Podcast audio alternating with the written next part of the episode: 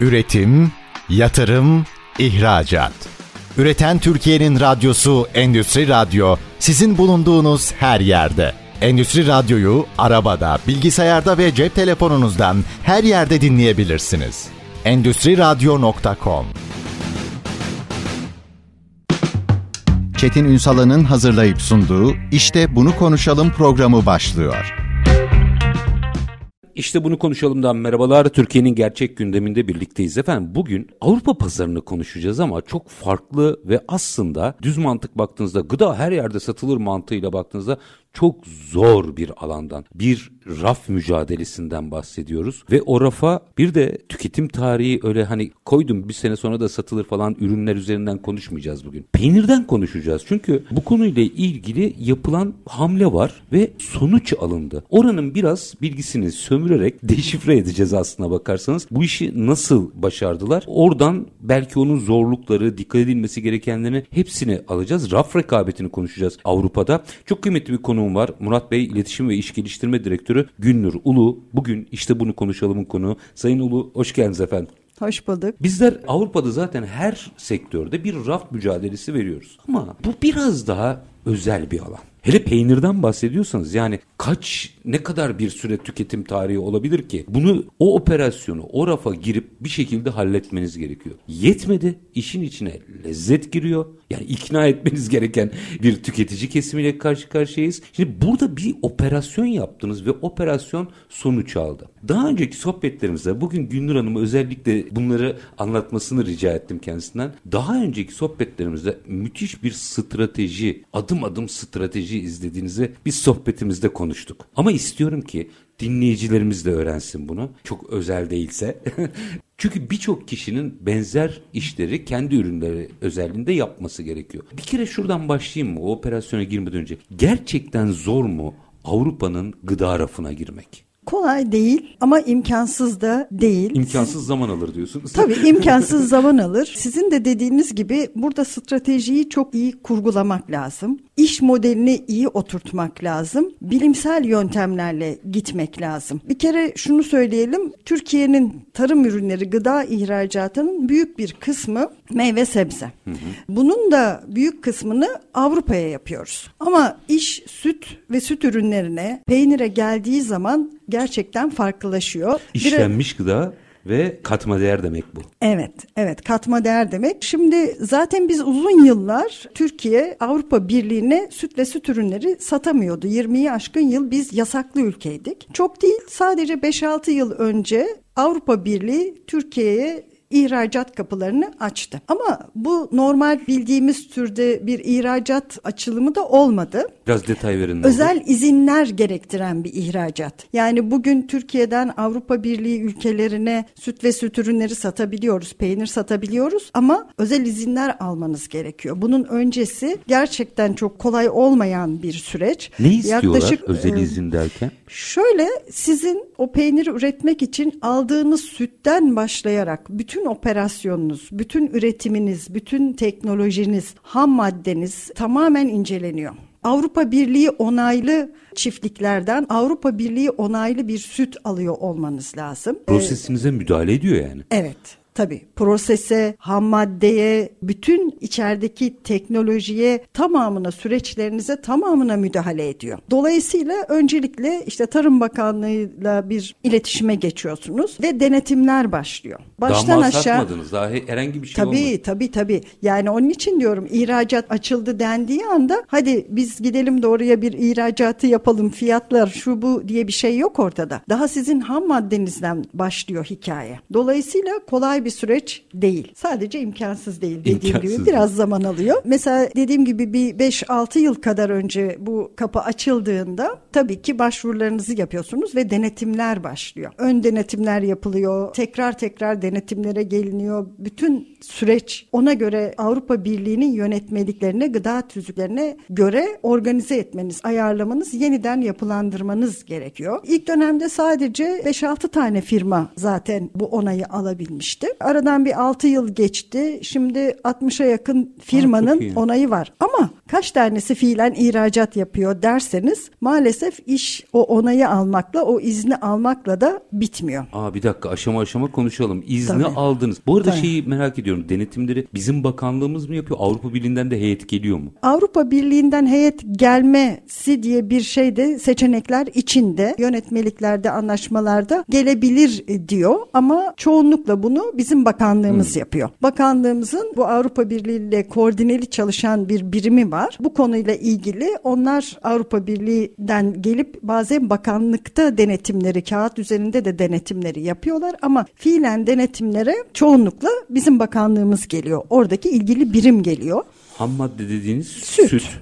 Tabii su ki. hatta belki o yani proseste Operasyonda kullanacağınız kullanıyoruz, ki su, tabii. o suyun bile kalitesine baktıklarına eminim. Her şeye bakıyorlar. Tabii Ee, her şeye bakıyorlar. işte aşama aşama geldi. O iş Tabii. denetimden geçti. izin alındı. İzin alındı. E, iznim var. Sonra niye yürümüyor iş? Ne oluyor? İşte orada pazarı iyi bilmek, pazarlamayı iyi bilmek gerekiyor. Çünkü bu pazar Avrupa Birliği'nde peynir ihracatını, Avrupa Birliği ülkelerine peynir ihracatını konuşuyoruz. Bu aslında çok gurur verici bir şey. Çünkü konuştuğumuz ülkeler Hollanda, Fransa, Almanya gibi adı peynirle anılan ülkeler. Evet, zaten en çok dikkatimi çeken de bu. Mesela Almanya desek orada bir açılım yapayım. Herkesin aklına şu geliyor. Aa orada bizim Türkler yiyordur. Hayır diğerlerine sıçradığınız anda o ülkenin Tabii. insanlarına da yediriyorsunuz anlamına geliyor. Tabii. Bu açıdan çok ilginç geldi Tabii, çünkü. Tabii yani sadece etnik pazar amaçlı çıkılmamalı bu yola. Dolayısıyla hedef ülkelerinizi seçerken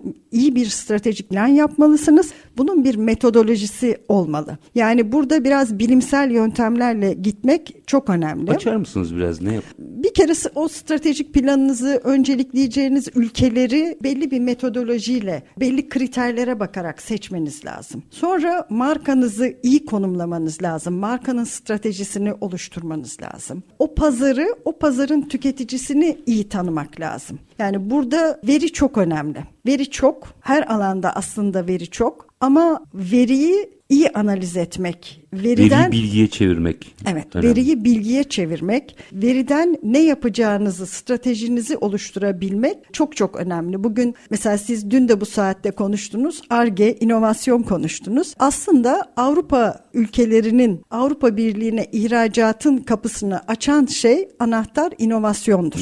ARGE'dir. Fakat ARGE dediğiniz de iyi yapılandırılmalı, odaklı olmalı. Siz ARGE merkezlerini kurarsınız, kuruluyor değil mi? Birçok. ARGE merkezimiz var, birçok çalışma yapılıyor. Ama biraz evvel de söyledim, 60 tane firma izin alabiliyor. Ama pazarda sürdürülebilir olarak var olmak çok önemli. Bir ikinci şey ihracat konuşuyoruz. Aslında bu söylemi de biraz biraz öteye taşımak lazım. İhracat konuşmamalıyız artık. Lütfen E, açar bir- katma değerli ihracatı Yaşayın. konuşmalıyız. Yani sırf satmak değil satarken Evet, evet. sattığına değmesi. Evet, hepimiz biliyoruz bugün bu ülkenin ihracata ihtiyacı var, dövize ihtiyacı var. Belki kurtuluş yolumuz bu. Belkiden de öte. Aslında ya hepimizin yapması gereken ihracata odaklanmak, ihracatı büyütmek. Ama işte ben diyorum ki artık buna ihracat demeyelim. Katma değerli ihracat Yani diyelim. eskilerin tabiriyle attığın taş ürküttüğün kuşa değecek. Evet. Eğer bir artı değer üretebiliyorsak, eğer kar sağlayabiliyorsak, eğer bir katma değer yaratabiliyorsak o zaman argenin de, argenizin de, ürününüzün de bir anlamı var. Bu da bir kere markalaşmayla oluyor. Bugün bir Türk markası olarak o raflarda olmak her şey bir tarafa bir kere Türkiye'nin imajına katkı sağlıyor. Çünkü ülkenin imajı çok önemli. Bir ülkeye bir yeni pazara gittiğinizde işte moda dünyasında düşünün. Aslında ham maddesi Türkiye'den gider ama İtalyan dendi mi satar. Evet evet zeytinyağda sa- bile tabii. söylüyorlar yani işte açık gönderiyoruz şişelenip İtalyan diye geliyor satılıyor. Ülke markası gerçekten hepimizi çok etkiliyor. Dolayısıyla hepimizin de bu ülke markasına katkı vermemiz lazım. Yani orada herhangi bir marka gibi, herhangi bir ürün gibi durmamak. Türk malı ve kaliteli algısına katkıda bulunmak lazım. Şimdi bu dile kolay da o nasıl oluyor? Kolay olmuyor. Dile kolay. Dile bunu söylemek evet, çok kolay. Evet, dile kolay. Bir de bir sürü ön Tabii. yargıyla mücadele Tabii, var orada. tabii, O tabii. kritik nokta burası zaten. Hani Tabii. siz iyi bir şey yaparsınız, zamanla Tabii. gerekli pazarlamayı yaparsınız, markanızı güçlendirirsiniz. Ama bir de Türkiye'den gelen, yıllarca yasaklı bir ülkeden gelen bir üründen bahsediyoruz. Bahsediyoruz. Tabii. Biraz evvel dediğim gibi işte o kapıyı gene ARGE ile inovasyonla açıyorsunuz. Burada stratejiyi iyi kurgulamak lazım. Eğer biz markayla katma değerli ihracat için, global bir marka olmak için bu kadar zor pazarlarda bir Türk malı olarak ve kendi markamızla var olmak istiyorsak bir kere rekabet stratejimizi farklılaşmak üzerine kurmamız lazım. Durun onu şimdi açalım. O yarım kalmasın. Minik bir araya gideceğim. Rekabet stratejisinde farklılaşmak dediniz. Buradan devam edeceğiz tam. Çünkü bence işin bam teli bu. Diğerlerinden farklı olmak ama farkını da kabul ettirmek önemli. Evet. Oradaki stratejiyi biraz detaylandıralım istiyorum ama minik bir araya gidelim. Aranın Tamam. ardından efendim Murat Bey İletişim ve İş Geliştirme Direktörü Gülnur Ulu'yla peyniri peynirden başlıyoruz. Bakın peynir özellikle olduğu için peyniri konuşuyoruz. Çünkü yasaklı yıllarca yasaklı olan bir ürün grubunun çıktısı ve o rafa girilebiliyorsa herkes doğru işleri yaparak o raflarda yerini alabilir. Nasıl farklılaşma? Kısa bir ara aranın ardından işte bunu konuşalım. Üretim, yatırım, ihracat. Üreten Türkiye'nin radyosu Endüstri Radyo sizin bulunduğunuz her yerde. Endüstri Radyo'yu arabada, bilgisayarda ve cep telefonunuzdan her yerde dinleyebilirsiniz. Endüstri Radyo.com Kısa bir aranın ardından işte bunu konuşalım demeye devam ediyoruz. Efendim ürünü, gıda ürünü, özellikle peyniri, süt ve süt ürünlerinden bahsediyoruz. Avrupa pazarında nasıl var ediyoruz? Raf rekabetinden markalaşmayı bunu konuşuyoruz. Sorunlu bir alandı. Yıllarca Türk ürünleri oraya giremedi. Konuğum az önce ifade etti. Bir 5-6 yıl önce denetimler başladı. Şimdi de öyle izin alanların hepsinin devam ettiği, sürdürülebilir olduğu bir pazar değil. O yüzden birazcık tecrübelerini sömürüyoruz. Kim bizlerle birlikte? Murat Bey İletişim ve İş Geliştirme Direktörü Gülnur Ulu'ya soruyoruz. Dediniz ki geldiniz rafa kadar. Rafta orada sürdürülebilirlik açısından markalaşma ve farklılaşma dediniz. Hadi açalım bunu. Strateji nasıl? Fiyat rekabetinden ziyade değer odaklı rekabet yapmak lazım. Detaylandırın lütfen. Bu ne demek? Bir kere tüketicinizi çok iyi tanımanız lazım. Oradaki alışverişçiyi çok iyi tanımak lazım. Bu bir kerede olan bir şey de değil. Çünkü tüketici değişiyor. Dünya değişiyor, trendler değişiyor. Nasıl ki mesela hani denetimden izin aldık artık diyoruz ya. O denetim hiç bitmiyor. O denetimler hep tekrar ediyor. değil mi? Tabii yönetmelikler de değişiyor ama özellikle bu koronadan sonra alışveriş çok değişti. Tüketicinin alışveriş alışkanlıkları değişti. Beklentileri değişti. Markalardan beklediği şeyler değişti. Bugün artık dünyada dijitalleşmeyi konuşuyoruz. Sürdürülebilirliği konuşuyoruz. Eskiden beklediklerinden daha farklı şeyler bekliyor tüketici bugün. Özellikle yeni jenerasyonlar bugünün alışverişçisi onlar. Bugün karşımızda onlar var. Onların beklediği şeylerin içinde artık sadece sağlıklı bir ürün olsun, lezzetli bir ürün olsun yok. Bir markadan dünya için ne yapıyorsun bunu da duymak Sosyal istiyorlar. boyutunu istiyor yani. Sosyal boyutunu istiyorlar.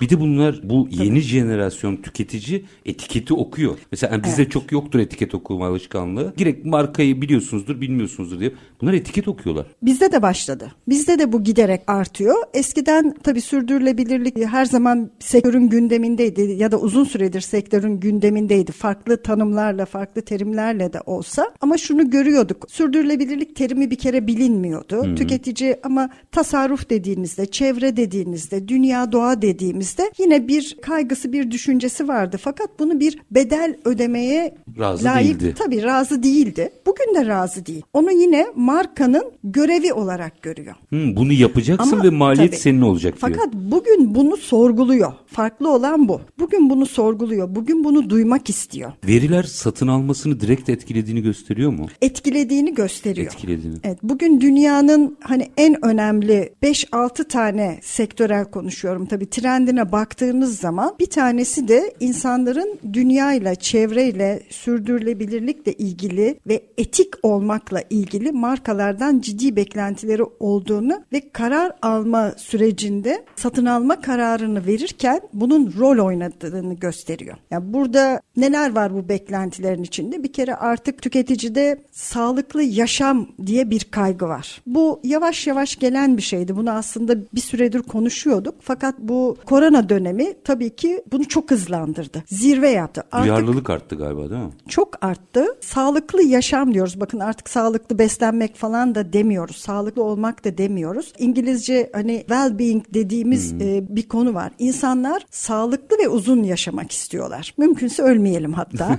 e, diye bir bir şeyin peşinden koşuyoruz. Ama en azından ee, o zamana kadar sağlıklı olayım istiyor. Tabii bébé. Evet yani sadece yaşamak çok anlamlı değil. Sağlıklı yaşamak, dinamik yaşamak istiyor. Da zaten, gıdadan geçiyor zaten. Tabii bu da ağırlıkla gıdadan geçiyor. Tabii ki işte sporu, bütün yaşam şeklini değiştiriyor artık tüketici. Değiştirdi zaten. Alışkanlıklarını değiştirdi. Bir ambalajın üstünde baktığı şeyler değişti. Biz claimler diyoruz. Çeşitli vaatler sunmanız lazım. Ambalajın üstüne baktığı zaman koruyucusuz, katkısız, glutensiz bunlarla ilgili bilgi görmek istiyor etiklikle ilgili markanın etik değerleriyle ilgili sürdürülebilirlikle ilgili çabası olduğunu görmek istiyor. Bunlar son dönemde değişen ve yeni jenerasyonun çok önem verdiği konular. Orada bir detayı açar mısınız? Şimdi e, bunları beyan etmek başka bir şey, ikna etmek başka bir şey. Yani o çok kırılma anı. Beyan edebilirsiniz, gerçekten de yapıyor olabilirsiniz. Bir de işin ikna etme boyutu var. Orada galiba bunları ifade ederken bir denge, o da bir strateji galiba değil mi? Fazla abartıya kaçmadan anlatmak lazım. Tabii net ve sade söylemek lazım. Zaten şöyle bir şey, çok şey söylediğinizde hiçbir şey söylemiş olmuyorsunuz. Tabii. Onlar da işte pazarlamanın görevleri. Stratejileri. Evet. evet. Yani bunu değer üretebilirsiniz ama bu değerin iletişimini yapmıyorsanız hiçbir faydası yok. İşte o zaman katma değerli bir ticaret yapamıyorsunuz. Şurada bir şeyi açmanızı rica edeceğim. Şimdi raftaydık ya. Evet. Rafta tüketiciyle ürün arasındaki beklentileri çok güzel anlattınız. Orayı biraz devam ettirmek istiyorum ama bir step bir adım öne geleceğim. İyi bir ürün yaptım. Avrupa'da özellikle market raflarına girmek istiyorum. Daha tüketiciye gitmeden önce bir bariyer daha var. Satın alma. Şimdi orada da Avrupa'da bilmiyorum değiştim ama ağırlıklı olarak zincirlerin başında mesela çok Yunan CEO vardır. Ve lezzeti bilir. Yani şimdi evet. Türk ürünü buna X bir üründe fikri olmayabilir falan ama Türkiye'den gelen bir ürünün lezzetini bilir. Şimdi bu hem avantaj hem dezavantaj. İyi bir şey yapıyorsanız avantajlısınız. O aşamayı da biraz açar mısınız? Orada ne yaşanıyor? İyi bir şey yapmak zorundasınız. Bu hiç ürettiğiniz şey gıdaysa, biz gıdayı konuşuyorsak, markanın ne kadar çevre dostu olduğu, insanlık için, toplum için neler yaptığı, içinde ne kadar vitamin olduğu, ne kadar işte koruyucusuz, katkısız olduğu vesaire vesaire. Bunların hepsi bir tarafa. Lezzetli olmak zorundasınız. Gıdada bu bir seçenek değil. Zorunluluk. Bu bir zorunluluk. Tıpkı güvenilir olmak gibi, hijyen olmak gibi, kalite standartlarını sağlamış olmak gibi bunlar zaten sıfır seviyesi. Ama o lezzetli çok subjektif bir tanım değil mi? İşin bir sırrı da burada. İşte Arge tabii Arge'nin Arge'nin burada yapması gereken şey de lezzetten ödün vermeden artı değerler üretebilmek. Aynı ürün Fransa'ya başka, Hollanda'ya başka şeylerde gidebiliyor mu? Oraya uygun damak tadına. Olabiliyor mu bunlar? Bu olabilir bir şey ama tabii ki bu çok da verimli bir şey olmaz. Bunlar Seri şirkette tabii bunlar tabii. şirketin üstünde yüktür. Dolayısıyla işin bir zorluğu da bu. Öyle bir ürün yapmalısınız ki ortalama lezzet olması bütün lazım. dünya bunu beğenmeli. Tabii. Şimdi eğer bir marka hani markamız Avrupa pazarına girdi ve girdiği günden beri de sürdürülebilir bir başarı elde ediyor. Giderek büyüyor, raflarda var oluyor ve bu ihracat, bu katma değerli ihracat hem de üst segmente bir ürün büyüyerek var oluyorsa bir kere bu damak zevkine hitap ettiniz demektir. O dakika bir gol bir yani. Dakika bir gol bir. Yani diyelim ki zenginleştirilmiş peynirler yapıyoruz. Hı hı. D vitaminiyle zenginleştirilmiş bir peynir yapıyorsunuz. Dünyada tek, eşi benzeri yok. Ama tüketici keyfi bulamıyorsa o peyniri yerken lezzeti eksik bıraktıysanız D vitamini alacağım diye peynir yemiyor. Çok zor bir alan. Gerçekten tehlikeli Tabii. bir alan. Ee, bu yaşanmış bir örnek işte bahsettiğim şey. Ee, D vitaminli ürünleri yaptık. Tüketicinin bildiği peynirlere, çok sevdiği peynirleri D vitaminiyle zenginleştirdik. Bu D vitamini de neden? D vitamini birincisi bağışıklığımız için çok hmm. çok önemli. Zaten bu korona döneminde hepimiz bunu öğrendik. D vitamini vitaminimiz düşük olmayacak. Bu ciddi sağlık, her türlü sağlık sorununa sebep oluyor. Çünkü bağışıklığınız düşüyor. Süt kategorisinde önemli bir şey daha var. Eğer D vitamininiz düşükse siz peynirden beklediğiniz faydayı yani o kalsiyum almak istiyorsunuz ya hı hı. onu alamıyorsunuz. Çünkü kalsiyumun kemikleriniz tarafından emilmesini sağlayan, emilimini sağlayan şey D vitamini. Dolayısıyla D vitamininiz eksikse kalsiyumu alamıyorsunuz zaten. istediğiniz kadar yiyin. Peynir yedik zannediyorsunuz. Siz mesela. peynir yedik, kalsiyumu aldık zannediyorsunuz. Hayır. Ne yaptık mesela bir örnektir. Arge D vitaminiyle zenginleştirilmiş peynir yaptı. Hmm. Biz bu peynirimizi bütün dünyaya aynı standartlarda, aynı ürün olarak lanse ettik. Sonuç nasıl? Bu fikir güzel, arge yapılmış, üretim yapılmış. Tabii sonuç ki, bu gurur duyduğumuz bir proje. Başarmak buradaki en büyük başarı lezzetten ödün vermeden, hijyen ve kalite standartlarını hiç bozmadan tüketicinin damak zevkine hem de global tüketiciden bahsediyorum. İnovatif bir ürünü üstelik zenginleştirerek katma değerli bir hale getirip rakipsiz bir şeyi dünya pazarına sunuyoruz. Bu kolay değil. Ama sonuçta ARGE'den işte ARGE inovasyon dediğimiz çıkıyor. şey de amaç da bunu başarmak. Şimdi bütün diyelim ki bir ürün, rastgele bir ürün. Bunlardan bir tanesi diyelim. Bütün denetim raporları yapıldı, her şey yapıldı, bitti, güzel vesaire. Rafa gidecek. Yani rafın istediği her şey var. Oradaki satın almacı oturup lezzetine mi bakıyor? Yani bir şey bir kararının bir kriteri olması lazım. İşte bunları zaten kriter kabul etmiyorum. Bunlar olmazsa olmaz diyor. Onları Tabii. geçtim. Yani orada herkes aynı. Rafa girmek çok zordur Avrupa'da. Orada Tabii. ne belirliyor? Dediğiniz gibi çok uzun sürüyor. Çok uğraşıyorsunuz. Çok da kolay olmuyor. Biz Avrupa'da, Almanya'da inovasyon dalında orada yapılan ve bir jüri değil, halk oyuyla ya da sektörel bir e, mesela bir Mil Marketing diye bir dergileri vardır. Sektörün en prestijli dergisidir. Onun bütün okuyucularının katıldığı, oy verdiği bir oylamada yılın en inovatif ürünü diye seçilen bir ürünümüz bile orada bir zincir markete girmek için bir yıldan fazla emek sarf ettiriyor. Sabır ve para demek bu. Evet çünkü siz o Avrupa Birliği'ne ihracat iznini alıyorsunuz ama bu bitmiyor. Siz o markete gittiğinde evet onun lezzetini beğendirmeniz lazım. Onun arkasına koyacağınız pazarlama planlarınız, iletişim stratejiniz, onu nasıl destekleyeceğiniz konusunda tabii ki o satın almaları ikna etmeniz lazım. Orada... Çünkü orada raftan çektirmek diye ha, bir kaygısı bütün... var satın almacının. O ürünü rafına koyduğu zaman o ürünün alışverişçi tarafından tercih edileceğine ikna olması Ve lazım. Çok objektif orada yani alınmadığı anda hemen çizebilir de üstüne. Çiziyor zaten. Hiç affetmiyor değil mi? Tabii yani affetmiyor. Avrupa'da çok net bu işler.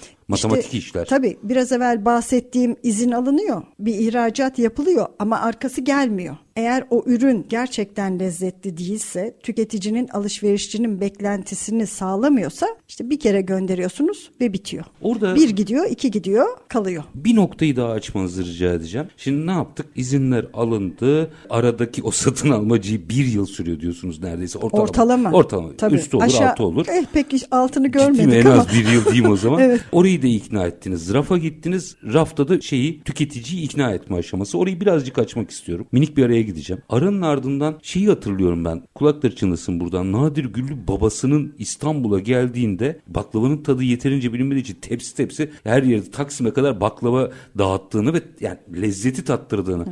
anlatırdı. E şimdi gittiniz yepyeni bir pazar. Avrupa pazarı. Orada bak bu Türk ürünü nasıl ikna ediliyor bunu da merak ediyorum. Minik bir ara. Aranın ardından tamam. Murat Bey İletişim ve İş Geliştirme Direktörü Gülnur Ulu'yla işte bunu konuşalım diyeceğiz. Lütfen bizden ayrılmayın. Üretim, yatırım, ihracat. Üreten Türkiye'nin radyosu Endüstri Radyo sizin bulunduğunuz her yerde. Endüstri Radyo'yu arabada, bilgisayarda ve cep telefonunuzdan her yerde dinleyebilirsiniz. Endüstri Radyo.com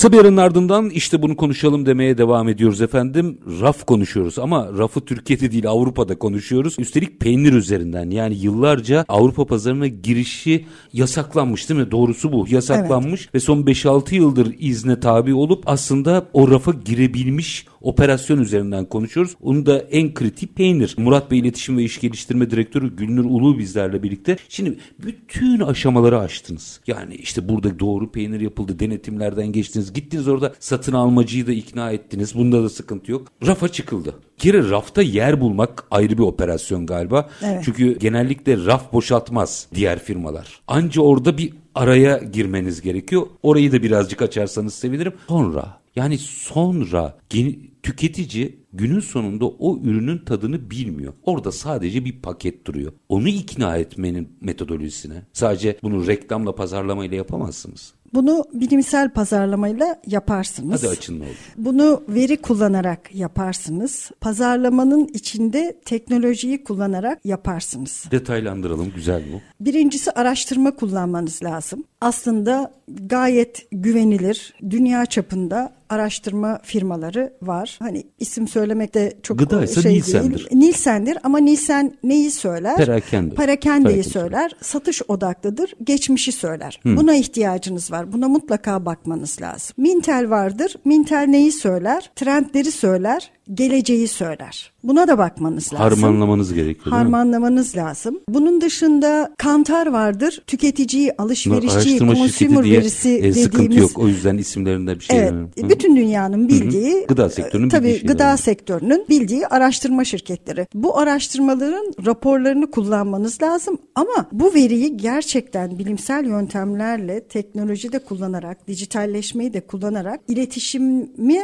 doğru yapmak üzere çevirmeniz lazım. Faydalı hale getirmeniz lazım. Veri çok, bu aslında riskli de bir şey. Orada doğru kullanmak önemli. İletişim Artık belli zorlukları var. Biraz evvel mesela tat konusunu dediniz. Tüketici hiç bilmediği bir şeyi deneyecek. Onu denemeye ikna etmek lazım. Mesela biz sektörde biliyorsunuz işte tadımlar yaparız. Hı, evet. Biz pazara girdiğimiz zaman kısa bir süre sonra hem de o dev Alman marketlerinde yer aldıktan bütün o biraz evvel O rafı itelemek de evet, zor değil mi? iteledik, kakaladık, yerimizi açtık, girdik, Covid patladı. Oo çok kötü gol Tadım yemişsiniz. yapmak diye bir şeyi bırakın tüketici markete gelmez oldu. Çok zor bir dönem. Evet, dolayısıyla böyle bir dönemden sağlam çıkıp o Türk markası olarak ihracatı büyüterek çıkmak çok önemli. Çok özür dilerim. Çok özel değilse mesela o şöyle düşündüm ben. Kend, yani ben olsam diye düşündüm. Ne yaptınız orada? Ya pazara yeni girmişsiniz. Bütün aşamalar aşılmış. Pat pandemi.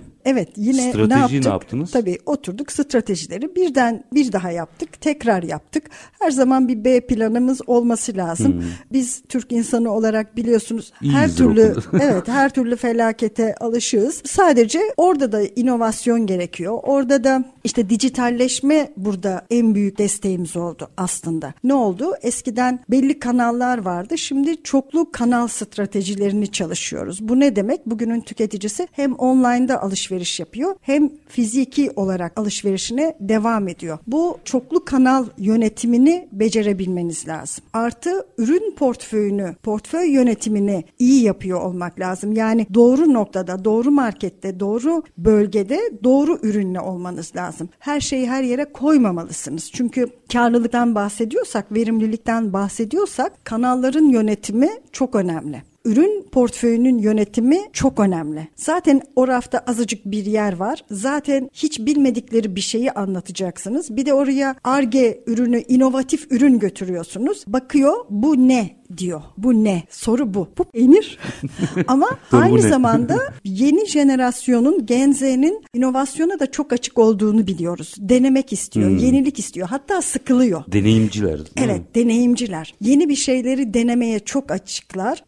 İnovasyona açlar. Onlara eğlenceli ürünler, atıştırmalık ürünler, atıştırmalık kullanabileceği ürünler vermelisiniz. Aslında araştırmaları, veriyi iyi okuyabilirseniz bunlar zaten araştırmalarda önünüze geliyor. Dolayısıyla o tüketiciyi, o alışverişçiyi, bu genzeyi iyi tanımak lazım. Burada tabii aslında sadece ARGE inovasyon işin belki biraz bilimsel tarafı, biraz teknik tarafı. Fakat bu pazarlama dediğimiz konu birçok disiplinin bir araya gelmesiyle başarıya ulaşıyor. Yani siz teknolojiyi de bileceksiniz, iletişimi de bileceksiniz ama neuroscience, nörobilim de bileceksiniz. İnsan davranışlarını evet, biliyor Evet, lazım. yani bu beynin nasıl çalıştığını, bu beynin nasıl karar verdiğini de bileceksiniz. Çünkü insan rasyonel bir varlık değil. Değil. İnsan Kararı değişebilen bir varlık. Tabii ve verdiği kararı bilinçli verdiğini de söyleyemeyiz. Manipülasyona Çok son açık. derece açık. Dolayısıyla bir karar veriliyor arka tarafta.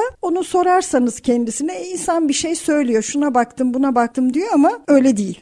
Dolayısıyla siz felsefe de bileceksiniz, fütürizmle de ilgileneceksiniz, teknolojiyi de bileceksiniz, iletişimi ama mutlaka bu nörobilim bugünkü pazarlamacının elindeki en güçlü silahlardan birisi. Orası da sürekli değişiyor, orası da sürekli gelişiyor. Devamlı öğreniyoruz. Yani bu öğrenme sürecini bir kere hiç Bırak, kaybetmemek lazım. lazım. Evet, doğru. O kadar hızlı değişiyor ve bilim de o kadar hızlı ilerliyor ki her gün yeni bir şeyler karşımıza çıkıyor. Biz mesela iletişimde bu dijital pazarlama tarafında başarılı işler yapıyorduk. İşte yeni bir şey çıktı artık çerezler yok dendi. Bu ne demek? Markalar için dijital pazarlama işini çok daha farklı yöntemlerle yapmak zorundasınız. Orayı öğrenmek zorundasınız. Ee, yazılımlar kullanmak zorundasınız. Şimdi e, bu kaslarımızı güçlendirmek zorundayız. Bunu yapmazsak ölürüz. Yani galiba e, bir kere ilkesi olarak hiçbir gelişmede eyvah demeden ne yapabilirimin üzerinde durmak gerekiyor. Ana Tabii ki. şey bu, motivasyon bu galiba. Tabii ki öyle. Yapılabilecek Yani- mutlaka bir şey var. Tabii ki var. Yani ama dediğim gibi biz Türk insanı olarak yani inovatif bir peynirin üstelik sizin de bahsettiğiniz gibi peynir tehlikeli bir üründür. Bütün süt ve süt ürünleri çok tehlikelidir. Onlar peynir yaşayan bir şeydir çünkü. Tabii. Çok kısa bir raf ömrü var. Yani lojistiğine kadar her şey kritik, tabii, tehlikeli Son doğrusu.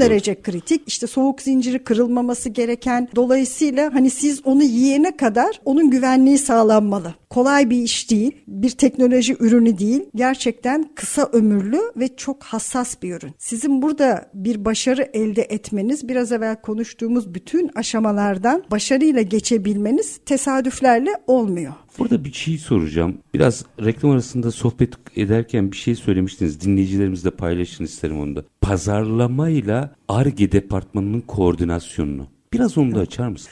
Evet, ARGE çok önemli diyoruz ama ARGE'yi odaklamak lazım. ARGE'ye brief'i veren, işi veren, tanımı veren, ARGE'yi yönlendirenin mutlaka pazarlama olması lazım. Pazarlama ARGE'ye nasıl bir şeye ihtiyacı olduğunu net tarif etmeli. Hedef verebilmeli. Bunu vermek de pazarlama için araştırmayla, veriyle, bilgiyle mümkün. Siz ARGE merkezinize dönüp tüketicinin şöyle bir beklentisi var. Şunları seviyor. Bunlara ilgi gösteriyor. Böyle davranmasını bekliyoruz veya onun kararlarını şu unsurlar artık etkiliyor diye iyi bir net bir tanım verirseniz o zaman ARGE'den katma değerli, size karlılık getirecek, anlamlı bir iş üretebileceğiniz ürünler çıkar. Günün sonunda o rafa girmek önemli. Rafta kalmanın yolu ne? İletişimi hiç kesmeyeceksiniz tüketiciyle. Mutlaka çünkü biz hızlı tüketim ürünlerinden bahsediyoruz, gıdadan bahsediyoruz. Burada tüketici çok çabuk unutur.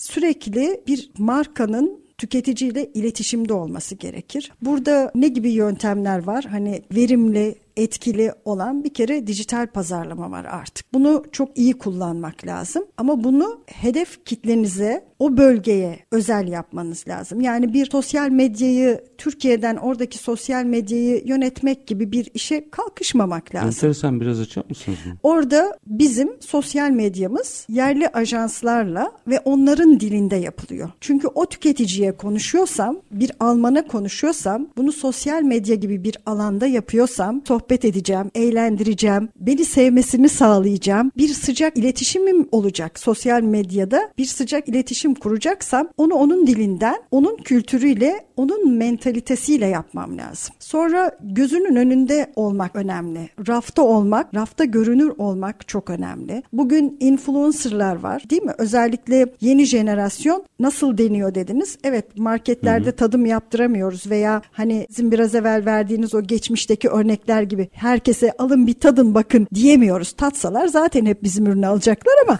güzel. evet onu nasıl yapıyoruz şimdi? Influencerlarla yapıyoruz. Bir influencer çıkıyor işte Gerçekten kısacık bir fark ediyor mu? tabii fark influencer? ediyor. Etmez mi? Tabii doğru bir influencer. Doğru influencer. Yani. burada tabii şuna yine dikkat etmek Ya lazım. bir gün arabayı Sizin- ertesi gün peynir satandan bahsediyor. Hayır hayır.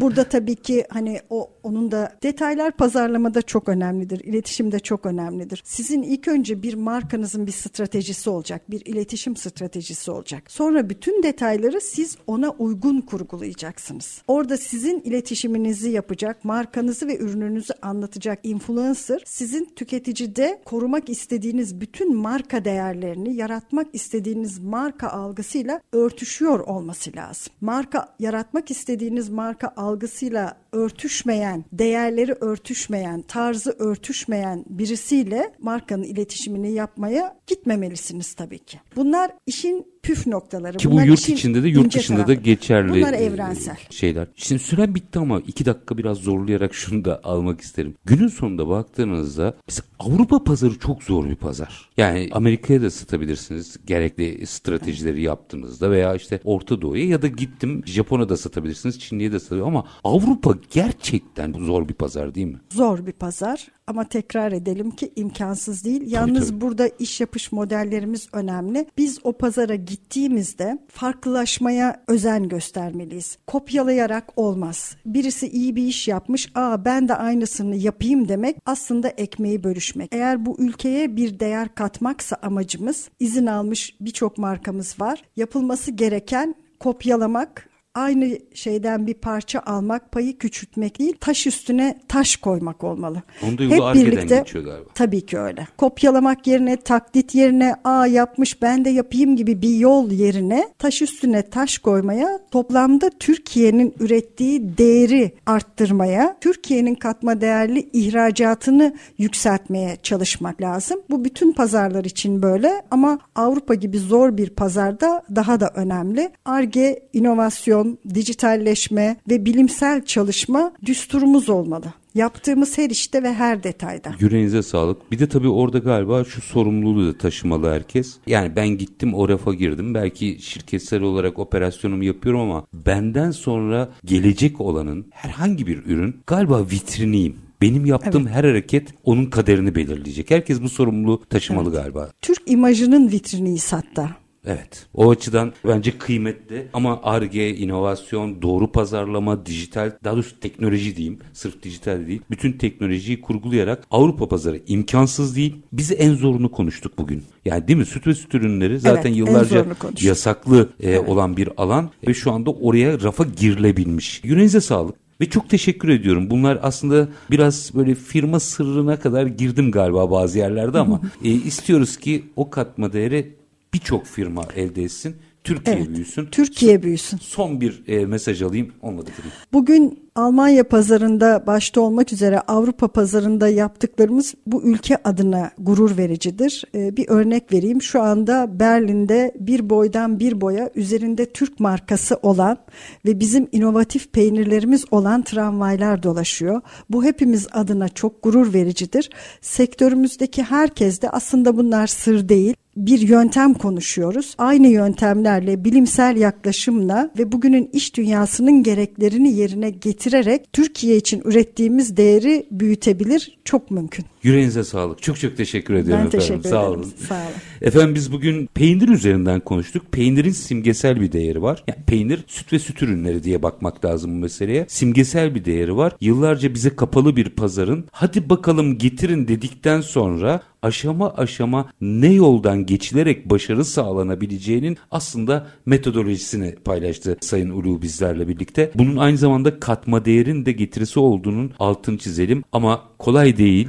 O bir rafa Avrupa'da bir rafa bir Türk firmasının girmesi e, sağ olsun biraz da özeline de girerek e, bütün e, sırrı metodolojiyi bizler sizlere duyurduk. Artık herkes kendi takdirini yapsın efendim. Konuğumuz Murat Bey İletişim ve İş Geliştirme Direktörü Gülnur Ulu'ydu. Biz her zamanki gibi bitirelim. İşinizi konuşun, işinizle konuşun. Sonra gelin işte bunu konuşalım. Hoşçakalın efendim.